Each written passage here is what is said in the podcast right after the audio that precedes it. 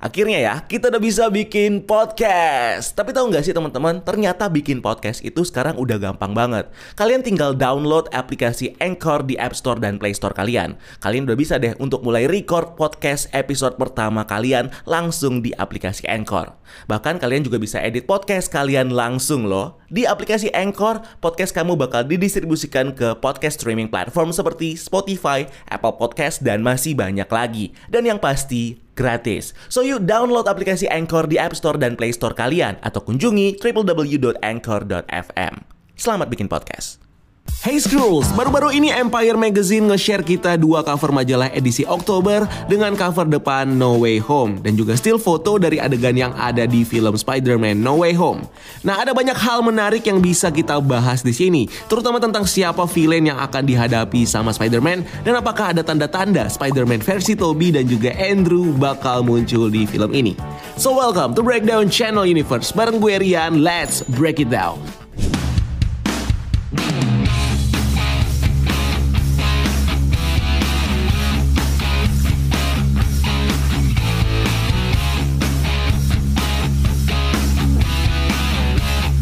Mulai dari cover pertama majalah Empire yang nunjukin kita sosok Peter dengan kostum integrated suit yang merupakan gabungan dari model black and red suit dan juga Iron Spider.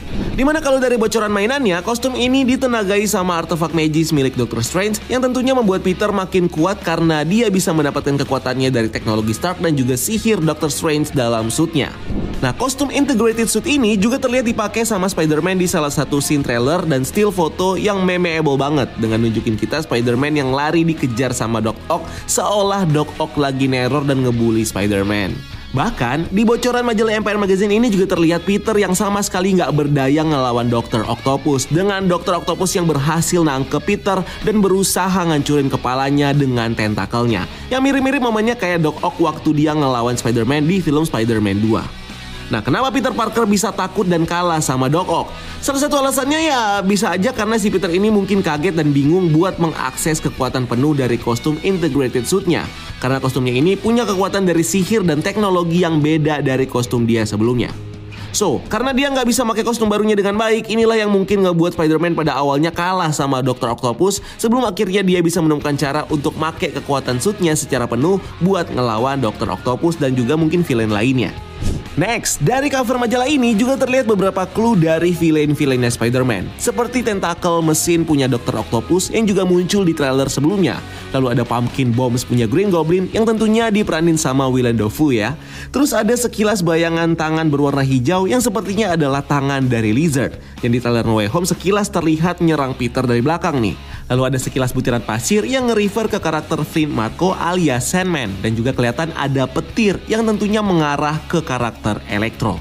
Nah bukan cuma villa ini, kita juga bisa ngelihat beberapa elemen seperti segaris cahaya warna orange, di mana ini adalah lingkaran cahaya dari mantra sihir Doctor Strange yang kalau di trailer dikeluarkan sebagai mantra untuk ngebuat dunia lupa soal Peter Parker sebagai Spider-Man. Lalu di background terlihat jelas kristal kaca yang mirip seperti prisma multiverse yang digunakan sama The Watcher untuk mengawasi dan pergi ke berbagai multiverse di MCU. Ini juga mirip dengan shape glitch saat proses colliding atau penggabungan multiverse yang diciptakan sama Kingpin lewat mesin super collider di film Spider-Man Into the Spider-Verse. Nah, karena dua referensi ini memperlihatkan kita dengan jelas bagaimana multiverse eksis di dunia superhero, prisma kristal di cover ini sebenarnya juga bisa adalah simbol dari multiverse yang akan diekspos lebih dalam di film Spider-Man No Way Home. Nah ini sebenarnya relate dengan bocoran majalah Empire Magazine yang nunjukin kita film ini nggak cuman akan jadi sequel dari trilogi film Spider-Man aja, tapi juga akan jadi akhir dan awal dari cerita Spider-Man yang juga mengangkat permasalahan multiverse di MCU. Di video sebelumnya tentang Spider-Man kita juga udah ngebahas soal pecahnya multiverse karena mantra sihir Doctor Strange dengan bilang kalau film Spider-Man No Way Home ini bisa jadi adalah penyebab utama dari jebolnya multiverse di MCU yang kita lihat di series Loki. Di mana salah satu impactnya ngebuat para villain Spider-Man dari universe lain akhirnya berkumpul di timeline utama MCU dan harus diberesin nih sama Spider-Man. Bahkan kalau Spider-Man bisa menyelamatkan universe-nya dari kekacauan ini, impact dari kacaunya multiverse ini tentunya bakal lanjut di film Doctor Strange in the Multiverse of Madness dan mungkin ke film-film selanjutnya. And then kalau kita perhatikan posisi dari sosok Spider-Man yang berada di depan prisma multiverse dan dikelilingi sama elemen dari karakter villain Spider-Man, ini sebenarnya adalah representasi dari karakter Spider-Man sebagai sosok sentral yang menyebabkan permasalahan multiverse dan datangnya berbagai villain dari berbagai universe di film ini yang nantinya juga bakal diselesaikan sama si Peter ini. Berikutnya masih di cover itu, di bawah judul Spider-Man No Way Home, ada beberapa subtext yang bertuliskan Old Foe di mana ini nge-refer kembalinya beberapa karakter villain lama dari Spider-Man di luar MCU. Nah, ngomongin soal villain itu, di bocoran majalah Empire Magazine terdapat satu lain kalimat menarik yang bertuliskan bahwa Peter Parker akan bertarung ngelawan villain ikonik dari masa lalu. Nah, dari sini sebenarnya gue udah punya dua konteks buat ngejelasin lain kalimat ini. Konteks pertama, villain ikonik dari masa lalu yang dimaksud di sini sebenarnya merujuk ke karakter villain dari film Spider-Man Sam Raimi dan Amazing Spider-Man Mark Webb yang udah dikonfirm bakal muncul di film ini seperti Alfred Molina yang jadi Doc Ock dan Jamie Foxx yang jadi Electro. Dan juga nge-reveal kalau aktor Rhys Evans dan Thomas Hayden Church bakal kembali memerankan karakter Lizard dan Sandman yang mungkin bakal diikutin sama Willem Dafoe yang akan mengulang perannya sebagai Green Goblin. Nah, kalau mereka muncul, ini juga secara nggak langsung mengonfirm kalau Spider-Man Tobey dan Andrew Garfield juga bakal tampil. Dan karena rasanya kurang nih kalau film-filmnya ada, tapi Spider-Man-nya nggak muncul di film ini. Lalu konteks kedua, jangan-jangan villain yang dimaksud di majalah Empire ini adalah villain dari Spider-Man Tom Holland di dua film sebelumnya, seperti Vulture, Mysterio, atau mungkin Shocker yang somehow akan muncul lagi di film ini dan berkonflik dengan Spider-Man lagi. Atau ini bisa nge-refer ke karakter yang sempat ditis di film Spider-Man Homecoming sebagai villain selanjutnya dari Spider-Man, yaitu karakter Mac Gargan alias Scorpion yang udah banyak dirumorkan dari berbagai macam mainan yang beredar. Yang memperkuat kalau dia bakal jadi pelengkap dari tim Sinister Six yang bakal melawan Spider-Man di filmnya nanti. Tapi ya karena belum ada bukti atau detail yang jelas, jadi belum tentu nih bener kalau karakter-karakter villain ini bakal muncul di No Way Home. Mungkin kalian bisa bikin teorinya di kolom komentar di bawah ya. Next ada tulisan new suit atau kostum baru dari Spider-Man yang bakal Peter pakai buat ngelawan villain dan menyelamatkan multiverse.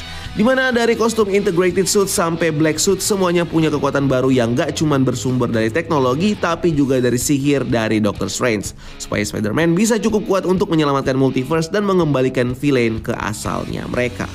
Lalu ada kata no rules yang mungkin punya arti kalau Spider-Man mungkin bakal dibiarkan sama Doctor Strange buat melakukan apa saja termasuk melanggar aturan atau larangan tertentu asalkan universe dan multiverse secara keseluruhan bisa diselamatkan. Dan film Doctor Strange in the Multiverse of Madness yang jadi konfirmasi kalau kejadian di Spider-Man No Way Home bakal punya impact pada permasalahan multiverse MCU yang akan berusaha diselesaikan sama Wanda dan Doctor Strange di film Doctor Strange in the Multiverse of Madness nanti. Next, di luar konteks Spider-Man, di bawah teks itu ada beberapa nama menarik seperti Hawkeye yang refer ke series Hawkeye yang bakal tayang di bulan November. Dan Howard the Duck, bebek pinter yang banyak ngomong yang udah muncul di beberapa project MCU. Di mana di komiknya, dia adalah salah satu karakter yang diceritakan bisa melakukan perjalanan ke berbagai universe. Berpindah ke cover selanjutnya yang lebih artistik dan komikal. Lagi-lagi kita dikasih lihat sama clue dari berbagai villain di Spider-Man No Way Home yang sepertinya relate dengan munculnya Sinister Six di film ini. Dimulai dari shape berwarna hijau dengan logo petir yang identik dengan warna dan logo karakter Elektro di komik. Di mana ini bisa jadi tanda kalau di film ini kita bakal melihat Elektro yang akan diadaptasi dengan kostum yang kurang lebih mirip seperti di komik. Next di bagian lain ada shape berbentuk tangan pasir dan gumpalan hijau hitam yang udah pasti nge-refer ke karakter Sandman dengan kostum ikoniknya yaitu kaos warna hijau hitam dan juga kemampuannya untuk mengubah tubuhnya menjadi pasir. Di mana di film ini Sandman mungkin bakal mengulang role-nya di film Spider-Man 3 sebagai villain yang baik nih ke karakter Spider-Man. Karena kalau kita ngelihat lebih detail ke trailer Spider-Man pertama, terlihat beberapa pasir dari Sandman yang sepertinya berbentuk perisai untuk ngelindungin Peter dari sambaran listriknya Electro. Apalagi kalau di komiknya si Sandman ini di salah satu storyline juga pernah diceritakan jadi superhero dan sempat gabung ke kelompok Avengers. Akhirnya ya, kita udah bisa bikin podcast. Tapi tahu nggak sih teman-teman, ternyata bikin podcast itu sekarang udah gampang banget. Kalian tinggal download aplikasi Anchor di App Store dan Play Store kalian. Kalian udah bisa deh untuk mulai record podcast episode pertama kalian langsung di aplikasi Anchor. Bahkan kalian juga bisa edit podcast kalian langsung loh. Di aplikasi Anchor, podcast kamu bakal didistribusikan ke podcast streaming platform seperti Spotify, Apple Podcast, dan masih banyak lagi. Dan yang pasti, gratis. So yuk download aplikasi Anchor di App Store dan Play Store kalian atau kunjungi www.anchor.fm. Selamat bikin podcast. Lalu di sisi lain muncul lagi tentakel Dr. Octopus dan Pumpkin Bombs dengan empat shape lingkaran hijau oranye di belakangnya. Yang sebenarnya relate dengan Pumpkin Bomb dari cover sebelumnya yang terlihat terbelah menjadi beberapa bagian. Nah, pertanda apa nih? Ini sepertinya adalah clue yang mengindikasi kalau akan ada lebih dari satu karakter Green Goblin yang akan muncul di film ini. Atau ini bisa jadi tanda kalau film ini bakal menghadirkan versi Goblin lain selain Green Goblin dari film Spider-Man Raimi, yang bisa aja adalah Hobgoblin. Di mana di komiknya diceritakan ada dua karakter yang memegang dua identitas villain ini, yaitu Roderick Kingsley dan juga Ned Leeds, pegawai Daily Bugle yang mungkin dicuci otak sama Roderick untuk jadi Hobgoblin. Nah, karena kita tahu MC udah mengadaptasi karakter Ned Leeds di trilogi Spider-Man, so bisa aja karakter Ned di No Way Home nantinya bakal mengalami hal yang sama seperti di komiknya, yang bakal dicuci otak sama Hobgoblin dari universe lain dan diubah menjadi Hobgoblin untuk membunuh Spider-Man. Nah, ini semakin diperkuat karena di salah satu interview, Jacob Batalon, pemeran Ned, sebenarnya udah mengatakan keinginannya untuk memerankan karakter Hobgoblin dan jadi anggota Sinister Six.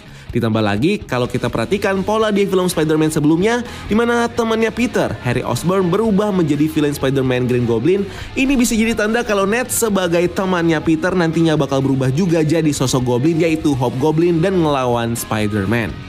Nah, ditambah lagi dari postur tubuh si aktor yang meranin Ned ini sekarang udah jauh lebih kurus dari film sebelumnya. Yang makin jelas ngasih tanda kalau mungkin Hobgoblin ini bakal diadaptasi.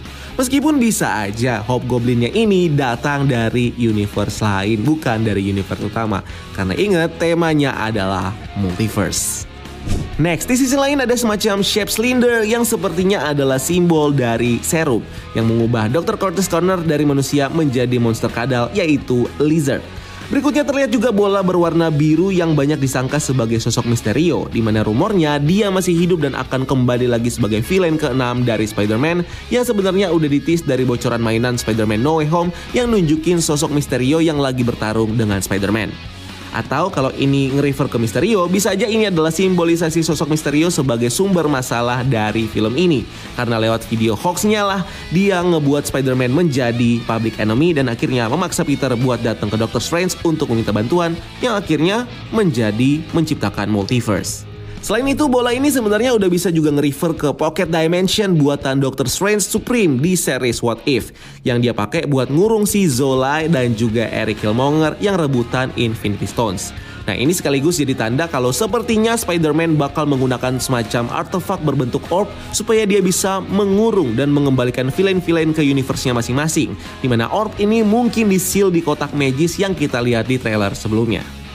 Selain itu di bagian lain cover ini terlihat shape dari Seal of Vishanti yang terdapat di jendela Sanctum Sanctorum, kotak magis dan juga Eye of Agamotto yang di sini sepertinya merepresentasikan peran Doctor Strange untuk membantu Spider-Man menjaga multiverse. Selain itu, ini juga bisa nge-refer ke shape jendela dari kastilnya He Who Remains the End of Time yang dia pakai buat mengawas Secret Timeline di mana mungkin aja penyebab pecahnya Secret Timeline yang kita lihat di series Loki berhubungan dengan apa yang terjadi di film Spider-Man No Way Home. Beralih ke tulisan Empire, kita bisa melihat tulisan itu yang disusun dengan shape heksagonal, di mana ini adalah referensi dari realita hex buatan Wanda di series WandaVision. Nah, ini juga bisa menjadi petunjuk bahwa kejadian di Spider-Man No Way Home somehow bakal ngasih impact ke Wanda, entah itu di film Doctor Strange in the Multiverse of Madness atau di post-credit scene WandaVision, di mana kejadian di No Way Home mungkin aja ngebuat dia sadar soal multiverse dan bisa mendengar anaknya di universe lain saat multiverse pecah di No Way Home. Seperti yang kita udah bahas di video kita soal pecahnya multiverse karena mantranya Doctor Strange. Atau bisa jadi hexagon ini justru nge-refer ke fakta kalau universe atau realitas yang eksis di MCU atau universe lain semuanya tersusun dari building blocks berbentuk hexagon yang buktinya udah bisa kita lihat dari realitas Hex Wanda dan universe-universe waktu Rocket Raccoon melakukan hyper jump menuju planet Ego. Next di beberapa sisi kita bisa melihat ada dua simbol laba-laba, di mana salah satunya adalah simbol dari Iron Spider Suit dan satunya lagi adalah simbol dari Black and Red Suit. Berpindah ke bagian tengah kita bisa melihat serangkaian muka dari Spider-Man versi komik yang seperti mengkonfirmasi kalau Spider-Verse bakal terjadi di film ini dengan munculnya Spider-Man Tobey dan juga Spider-Man Andrew Garfield. Nah ini makin diperkuat dengan balasan tweet 3 emoji laba-laba dari akun Sony Picture UK ke postingan Twitter dari majalah Empire dengan cover Spider-Man. Di mana emoji ini makin menaikin ekspektasi kita kalau tiga Spider-Man ini bakal muncul di film Spider-Man No Way Home nanti. Atau jangan-jangan dari pola muka Spider-Man yang terlihat makin mengudar ketika memutar ke belakang, ini bisa jadi adalah petunjuk kalau sepertinya in the end usaha Peter untuk ngebuat dunia lupa kalau dia adalah Spider-Man bakal berhasil dengan mengudarkan ingatan seluruh orang tentang Spider-Man di universe mereka. Berikutnya di belakang muka Spider-Man ada jaring laba-laba dengan background hitam, di mana ini sepertinya adalah simbol dari project crossover antara Spider-Man dan Venom yang udah ditis di film Venom Let There Be Carnage. Bahkan ini bisa jadi petunjuk kalau Venom sepertinya bakal mendapatkan kekuatan Spider-Man saat dia nempel ke tubuh Spider-Man seperti di komik yang akan terjadi di film crossover Spider-Man Venom. Next, di sekeliling muka Spider-Man terlihat shape berbentuk kota yang merupakan callback ke trailer Spider-Man waktu Peter masuk ke Mirror Dimension yang punya kota dengan posisi terbalik dari seharusnya. Berikutnya ada lingkaran-lingkaran dengan berbagai warna dan tulisan No Way Home yang ditulis berulang-ulang seolah menekankan bahwa tema dari film terakhir Spider-Man ini yaitu No Way Home atau nggak bisa pulang. Karena setelah kejadian di film ini, Peter mungkin gak akan bisa kembali lagi pulang ke kehidupan normalnya seperti dulu, entah sebagai Spider-Man atau manusia biasa.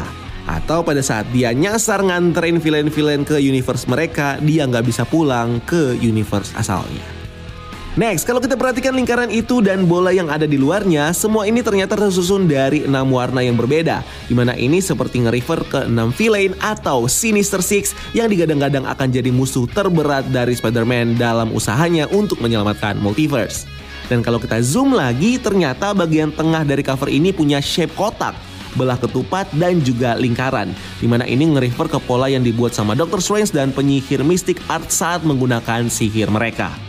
Terakhir, Empire juga nge-share ke kita still foto dari Spider-Man dengan black and red suit tanpa memakai topeng di satu tempat. Yang kalau kita perhatikan secara detail terdapat shape bangunan yang mirip dengan bangunan di belakang Dr. Octopus saat dia berhadapan dengan Spider-Man di film Spider-Man 2. Nah, foto ini sendiri sepertinya adalah momen final fight antara Spider-Man melawan villainnya di mana menurut kabar yang beredar pertarungannya nanti bakal mengambil tempat di Empire State Building. Selain itu, dari penjelasan director John Watt yang bilang kalau film ini akan menjadi semacam Spider-Man Endgame, nah dari sini kita berasumsi kalau momen pertarungan antara Spider-Man dengan musuhnya bakal sangat epic yang mungkin vibe-nya bakal menyamai pertarungan di Avengers Endgame. So itu dia breakdown kita kali ini dari cover dan still foto majalah Empire.